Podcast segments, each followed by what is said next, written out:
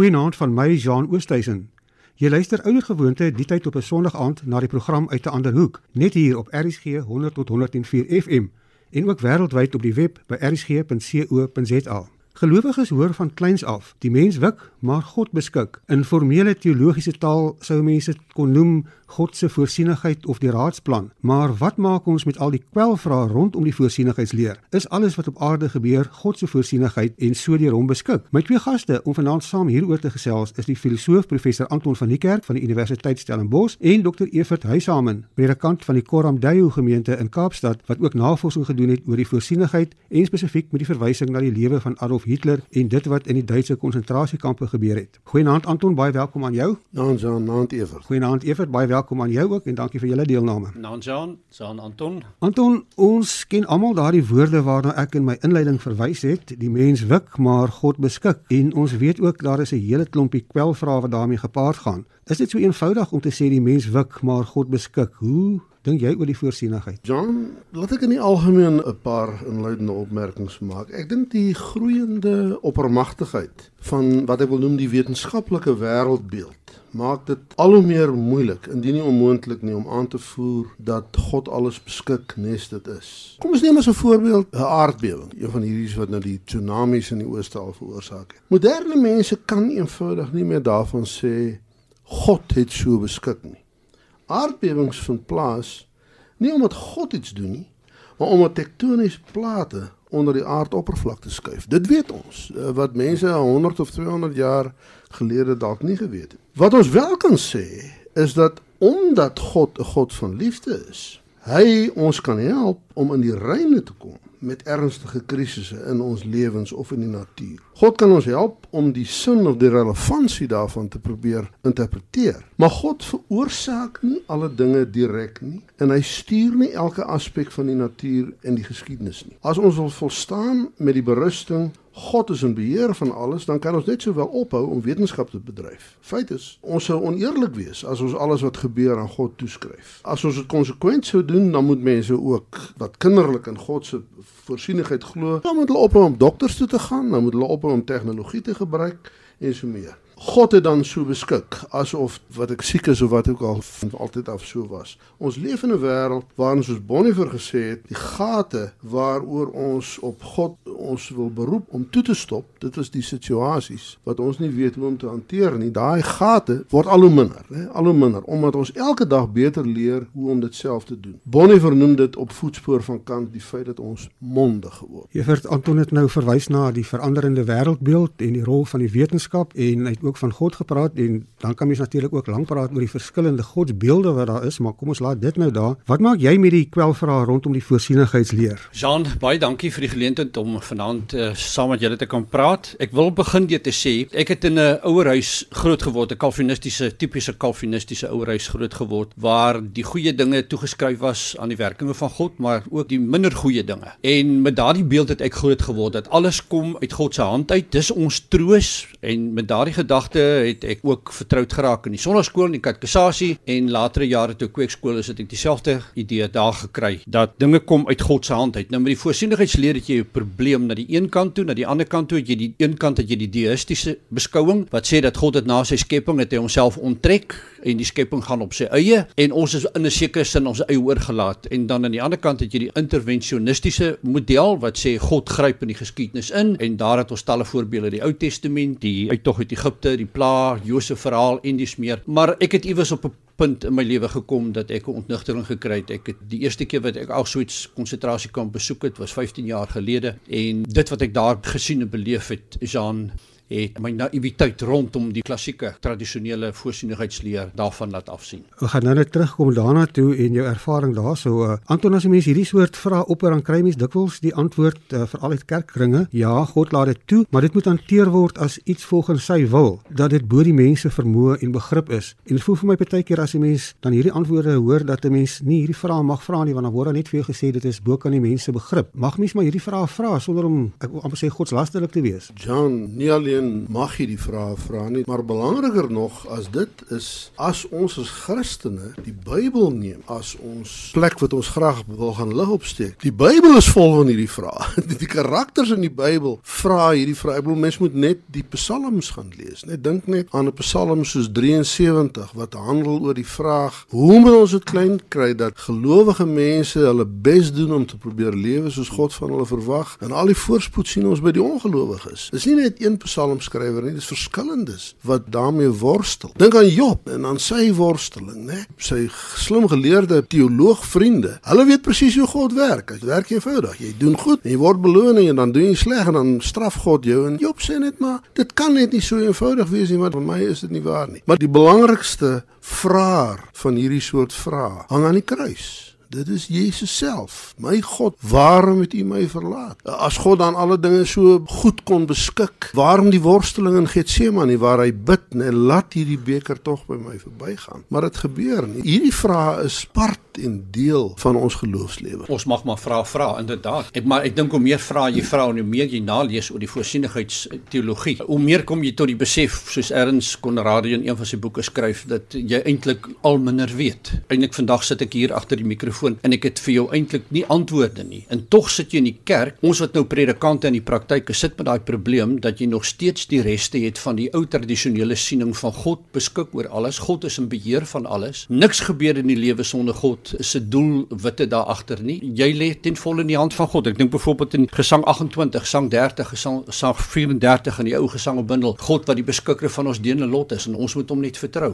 Hy voltrek alles in ons lewe. Maar as teoloog kyk jy anders daarna en dit is 'n probleem vir die predikante vandag wat van die kansel af moet verkondig. Wat verstaan ons onder die voorsienigheid van God? Kom ek vra vir albei van julle, daar word gesê, hoewel dit nie verstaan kan word nie, bied dit tog troos van sy bestuur en regering oor alles omdat alles dan volgens sy voorsienigheid geskied. Nou is my vraag, bied dit regtig troos as 'n mens sê ook die bose goed en die slegte dinge is deel van God se raadplan? Daar is interessante teorieë in die tradisie oor hoe 'n mens die werklikheid van die bose en van kwaad in die wêreld van lyding versoen met God. Jy, die een groot tradisie is die Augustiniaanse tradisie waar die konvensionele verhaal wat ons in die kerk hoor vertel word, daar was 'n skepping gewees, daar was 'n val in die paradys. Adam en Eva is uitgedryf en al die boosheid wat ons sedertdien in die wêreld sien is maar die nagevolg en daarom is dit so wonderlik dat Jesus na die uiteindelik gekom het om ons te kom verlos. Dis die een verhaal. Filosofies, ek is nou nie 'n teoloog, ek stel 'n bietjie meer belang in die filosofie. Filosofies is ek meer geïnteresseerd in die ander groot teorie wat 'n mens kry. Dis die wat ek wil noem Ireneese teodisee of argument oor hoe jy God met die bose versoen. Nog nogal 'n verwikkelde argument, maar dit kom net daarop neer dat Ireneus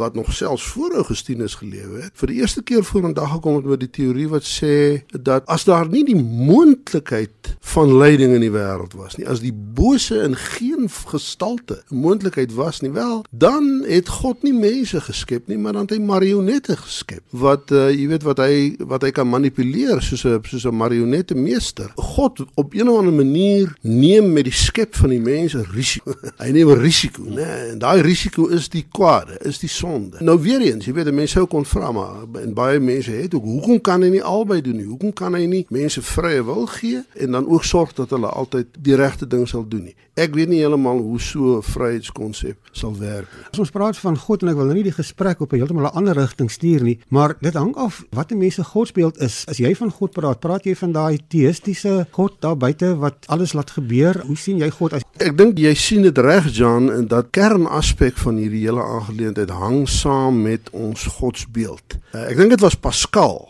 die bekende Franse denker van die 16 of 17de eeu wat op 'n stadium skryf: God, nie van die filosowe nie, maar van Abraham, Isak en Jakob. En daarmee bedoel hy dat ons moet versigtig wees vir 'n beeld van God wat ons self gemaak het, soos die ou Grieke en baie ander dit gedoen het wat selfvervaardig is. Dan gebruik ons woorde soos God is almagtig, alwetend, alomteenwoordig, onveranderlik. Nou, dit is maklik om daai woorde te sê, maar wat hulle Dit weet ons nie. Interessant genoeg, ek weet nie of die Bybel eenmal die woord almagtig gebruik met verwysing na God nie. Waarvan daar wel sprake is in die Bybel is die soewereiniteit van God. Is die feit dat God is soewerein oor alle dinge en ons kan God vertrou, ons kan met ons nood na hom toe kom. Jy weet, hy kan ook van tyd tot tyd uitkoms gee, maar die God van die Bybel is juis nie hierdie God van die filosowe nie. Hy is die menslike God. Hy is die God wat sy vir Noag, die hele Noag verhaal as hy die ark laat maak en so meer, dan gebeur dit omdat hy spyt het oor wat hy gedoen het, né? Dat hy vir Hiskia veroordeel hy om te sterf en dan bid Hiskia en dan verander God van plan. Daar is 'n veel meer menslike gesig, dink ek, in die God van die Bybel. Dis interessant wat jy nou sê van hoe God baie keer ook dan van plan verander want dit gooi 'n hele 'n spanner in die werke van as ons dan praat van God se raadsplan verander dan God van tyd tot tyd sy raadsplan of is daar 'n raadsplan van die begin af wat onveranderlik is? Party mense sê God is onveranderlik.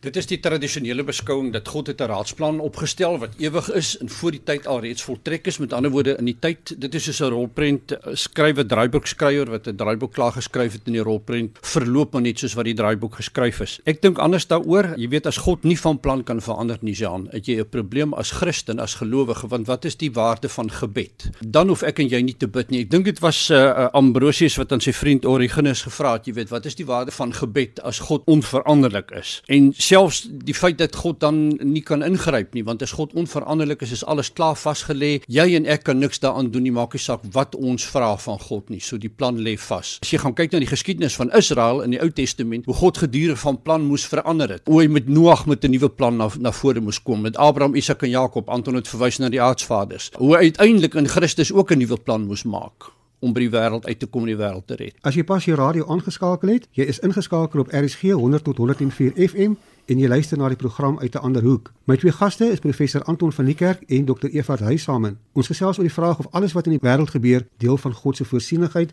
of sy raadsplan is. Een van die probleme lyk dit vir my met God se raadsplan of voorsienigheid is, hoe rym dit met die kwaad of die boosheid in die wêreld en ons het nou so vlugtig daarna verwys. Die Tweede Wêreldoorlog, dink ek het baie mense anders hieroor laat dink, Evert, en ek weet jy was ook by Auschwitz gewees en jy het gesê dit het ook by jou 'n verandering teweeggebring ook ten opsigte van die hele kwessie oor die voorsienigheid. Jean, dit is baie moeilik om oor die radio te beskryf hoe 'n mens voel as jy by Auschwitz-Birkenau op die gronde loop, veral as jy in die gaskamer staan. Ek het die middag saam met 'n klein groepie Amerikaners in die gaskamer in by Auschwitz die stamlager gestaan. Deur is agter ons toegemaak. Jy sien die krapmerke teen die mure. Daar kon so 4 500 mense in daai klein gaskamertjie ingaan. Die groen bevlekte mure van die Siklon B. En wat met my opgekom het terwyl ek daar gestaan het, is Heidelberg se Katekismus 10 waar gevra word wat verstaan jy onder die voorsienigheid van God? En dan die antwoord is dood eenvoudig alles kom uit God se hand, die goeie en die slegte. Die droë tye, maar ook die reëntye, die siekte, maar ook die gesondheid. En my vraag wat ek vir myself gevra terwyl ek daar gestaan het, waar is God te sien in dit? En natuurlik baie mense sal vir jou sê, maar terwyl jy daar staan en kyk, kan jy onmiddellik sien met dis die handewerk van die duiwel dit is tog so eenvoudig soos dit. Die duiwel sit agter dit alles. Maar ek wil vir jou sê, ek het van daai dag af het ek seker seker al die konsentrasiekampe wat daar is in Europa besoek. By elke konsentrasiekamp waar ek gaan staan het, by elke gaskamer wat ek ingeloop het, het ek nêrens die handewerk van die duiwel nie, maar die handewerk van mense gesien. En dit is vir my die probleem dat ons alles aan die duiwel en die bose magte wil toeskryf en die verantwoordelikheid en die verantwoordbaarheid wat die mens het, dit word nie in ag geneem nie. Ek het ook die voorreg gehad uh, by almal soos jy nie, maar was by Auschwitz en dit is 'n bepaalde uitermate ontroerende ervaring. En toe ek jare later vir die eerste keer die boekie van Elie Wiesel gelees, né, wat vertel van die insident in Auschwitz waar daar op 'n keer 'n hele aantal mense opgehang is, onder andere 'n jong seun van so 11, 12. Die liggame was so uitgeteer dat in sy geval is hy nie dadelik dood nie hy daar bly hang. Die ander het nog genoeg gewig aan hulle liggame gehad hulle nekke dadelik gebreek het maar nie in sy geval nie. En terwyl hulle opgelyn staan die mense rondom hierdie insident het iemand hier aan die een kant van Eli gevra waar is God nou?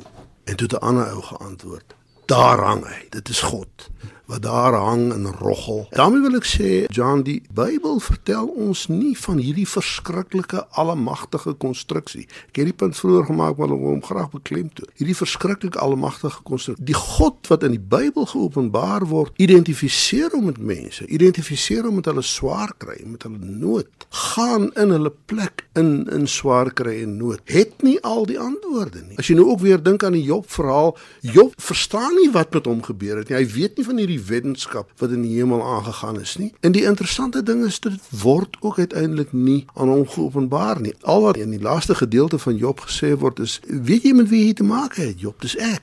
Ek is die soewereine God, ja. Maar lyding en kwaad is 'n misterie wat ons uiteindelik nooit wat my betref ten volle sal kom. Sulke gebeure dink ek in die wêreldgeskiedenis laat mense ook anderster dink oor goed soos die voorsienigheid en oor God en baie ander dinge want dit het 'n direkte invloed op 'n mens as 'n mens dit meemaak nie van nie. Jean, my eerste ontmoeting, sou ek sê met Auschwitz was in die 70er jare toe ek saam met Anton nog in die admissieklasse gesit het, het ek by Wever se boekwinkeltjie daar aan Adringa straat eendag ingestap en daar het ek op Victor Frankl se boekie afgekom wat nog deur Daniel Lou vertaal is en daar het ek eerste keer gelees van wat in Auschwitz aangegaan. Ek het nie 'n idee gehad nie. En die boekie het op my rakbly staan. Ek het vergeet daarvan en toe ek nou jare later by Adrokinier so 'n bietjie navorsingswerk doen, 'n bietjie daarby om studiewerk doen, toe ek oor Nederland toe en ek het vir 'n tyd lank loseer in Deventer by ou oomie en oordag sit ek kamp in toe gery met die trein. En ek sal nooit vergeet ons het een aand aan tafel gesit. Hy is al weewenaar baie jare gewees in sy 80er jare gewees. Gryskop ou oomie. Ouderling by 'n kruisgemeente van Deventer. En ons sit te gesels en op een of ander manier stuur die gesprek in die rigting van die voorsienigheid en ek sien hy begin stiller raak en hy wil niks sê nie. Op 'n kol sê hy vir my maar uh, hy sal verkies as ons nie meer hieroor praat nie. En ek vra vir hom, "Jesus oom, maar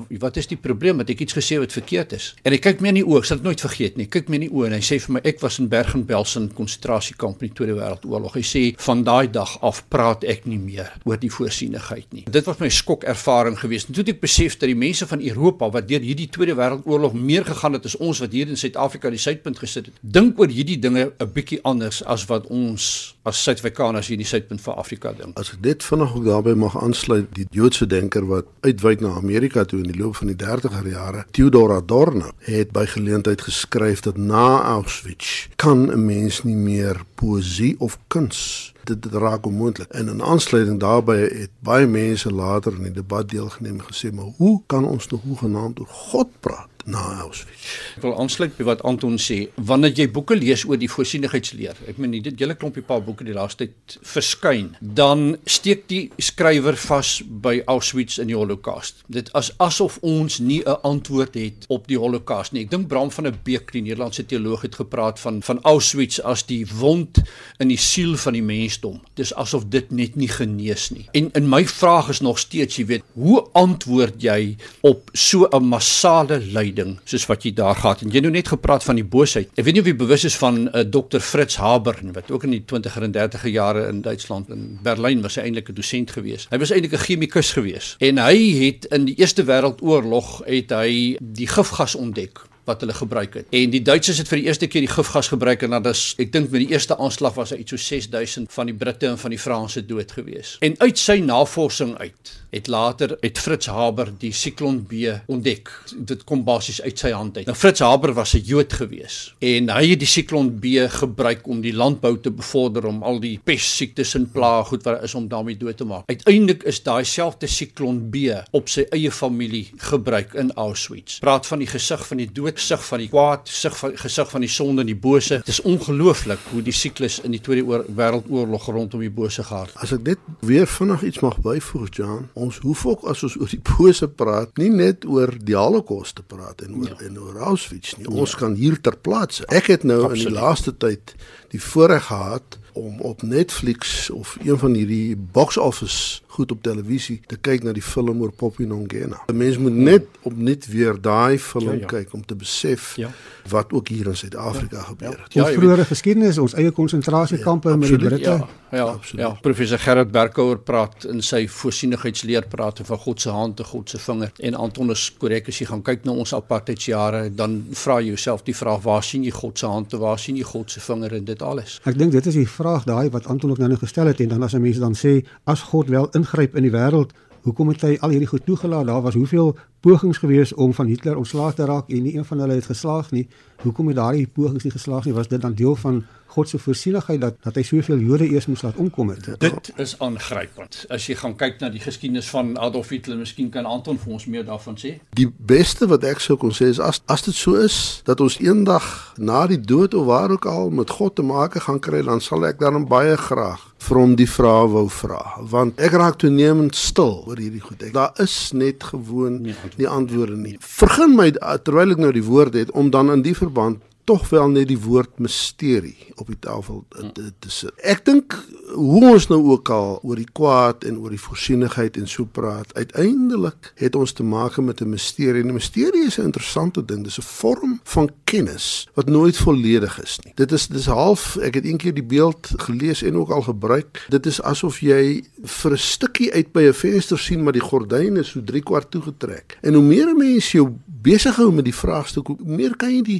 gordyn so 'n klein entjie wegskuif en 'n klein entjie weg. Jy kan 'n bietjie meer sien. Die die werklike groot geeste in ons tradisie wat wat oor hierdie dinge skryf, hulle laat ons iets meer sien, maar nie alles nie. Die uiteindelik is daar vrae waarop dan net eenvoudig nie klinkklare antwoorde is nie. En ek dink ons moet ook as mense maar leer om daarmee saam te leef. Wat nie beteken dat ons moet ophou dink dat ons moet wel aanhou dink daaroor, maar ons moet aanvaar ons gaan nie al die antwoorde kry nie. Dit is interessant as 'n mens Hitler se geskiedenis onder die vergrootglas plaas en jy lees sy Mein Kampf, die eerste bladsy van Mein Kampf, die eerste sinnetjie waarmee Mein Kampf begin, praat Hitler van die glückliche Bestimmung, dat dit vir hom deur die voorsienigheid so bestem en beskik was dat hy in Branau am Inn gebore is wat op die grens met Duitsland lê. En daarna in al Hitler se toesprake in sy monoloog en sy sogenaamde Tischgespräche het Hitler gedurig teruggekom na die een gedagte toe dit is dat die voorsienigheid die voorseung het sy pad vir hom uitgelê. En die oorwinning wat hy uiteindelik behaal het in 1933 was aan die voorsienigheid toegeskryf. En as jy gaan kyk die aanslag wat op Hitler se lewe gemaak is dan is dit absoluut verstommend. Alreeds van die eerste wêreldoorlog af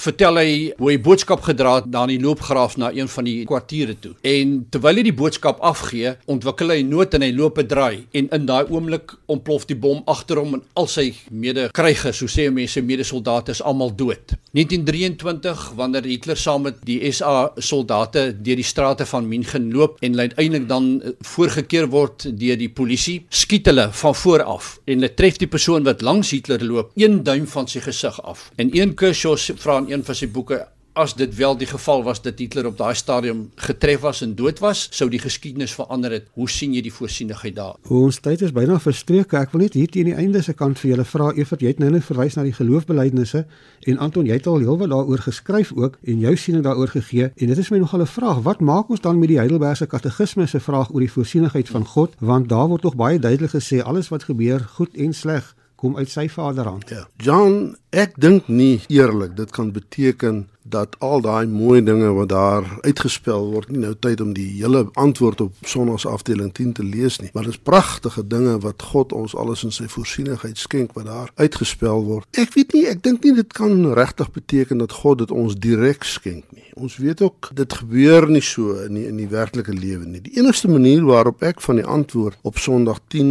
eh, van die Heidelbergse Katekismus kan sin maak is om aan te voer dat God ons vrymaak om vir onsself te sorg en dat ons en ander vir ons voorsien. En dat ons God kan dank dan vir die goeie wat hy skenk. Wel wetende dat net soveel ongeluk ons ook oorkom wat ons nie dink ek op God se rekening kan plaas nie. Jy vir baie kortliks van jou af die Heidelbergse katekismes en die belydenisse. Wat maak ons daarmee? Moet ons nie begin wegbeweeg daarvan as dit soveel onoplosbare vrae eintlik by ons skep. Ek dink 'n mens moet weer teruggaan na na die Bybel toe. In die Ou Testament het jy jou tipiese monistiese denke dat God is die die oorsaak van alle dinge. Goeie dinge en slegte dinge, die kry jy reg deur die Ou Testament. Die Nuwe Testament bring 'n 'n boedelskeiding wat jy in die sin het van jy die kwaad aan die een kant en jy het God aan die ander kant, hierdie twee strydende magte. Die Heidelbergse Katekismus het bly vassteek by die monistiese denke. Alles kom uit God se hand uit. Ons kan dood eenvoudig nie aanvaar dat iets soos die Holocaust, die Tweede Wêreldoorlog, dit wat met die apartheidsjare hier gebeur het, kom enigsins uit God se hand nie. Ons moet aanvaar dat die mens is verantwoordbaar en hy moet self pa staan vir wat gebeur en daarmee saam moet ons ook sin gee aan ons lewens en sin gee aan die dinge wat sleg is in ons lewe wat met ons gebeur. Anton, 'n laaste woord van jou kant af? Ek wil maar net weer sê, is dit Polonius of iemand wat dit vir Hamlet gesê het, nee, there are more things in heaven and mm. earth as wat ons van weet. Uiteindelik dink ek is die misterie die laaste woord hieroor wat nie beteken ons moet ophou dink en ons moet ophou werk daaroor nie en en dat merkwaardige mense ons tot nuwe insigte kan bring nie. Maar ons moet ook leer saamleef met onsekerheid. Dis deel van die geloofservaring. Baie baie dankie vir julle deelname. Ek dink die voorsienigheid het dit nou ongelukkig so bepaal dat die tyd verstreke is en ons moet groet. Baie dankie aan my twee gaste die filosoof professor Anton van die Kerk van die Universiteit Stellenbosch en dokter Evard Huysamen predikant van die Koram Dayo gemeente in Kaapstad. As jy wil kommentaar lewer stuur vir my 'n SMS na 45889 of besoek ons Facebookblad uit 'n ander hoek waar ek ook julle kommentaare sal plaas. Dankie dat jy saam met ons gekuier het vanaand. Geniet die res van jou Sondag aand in die geselskap van RSG. Van my, Jean Oosthuizen, totsiens tot volgende week.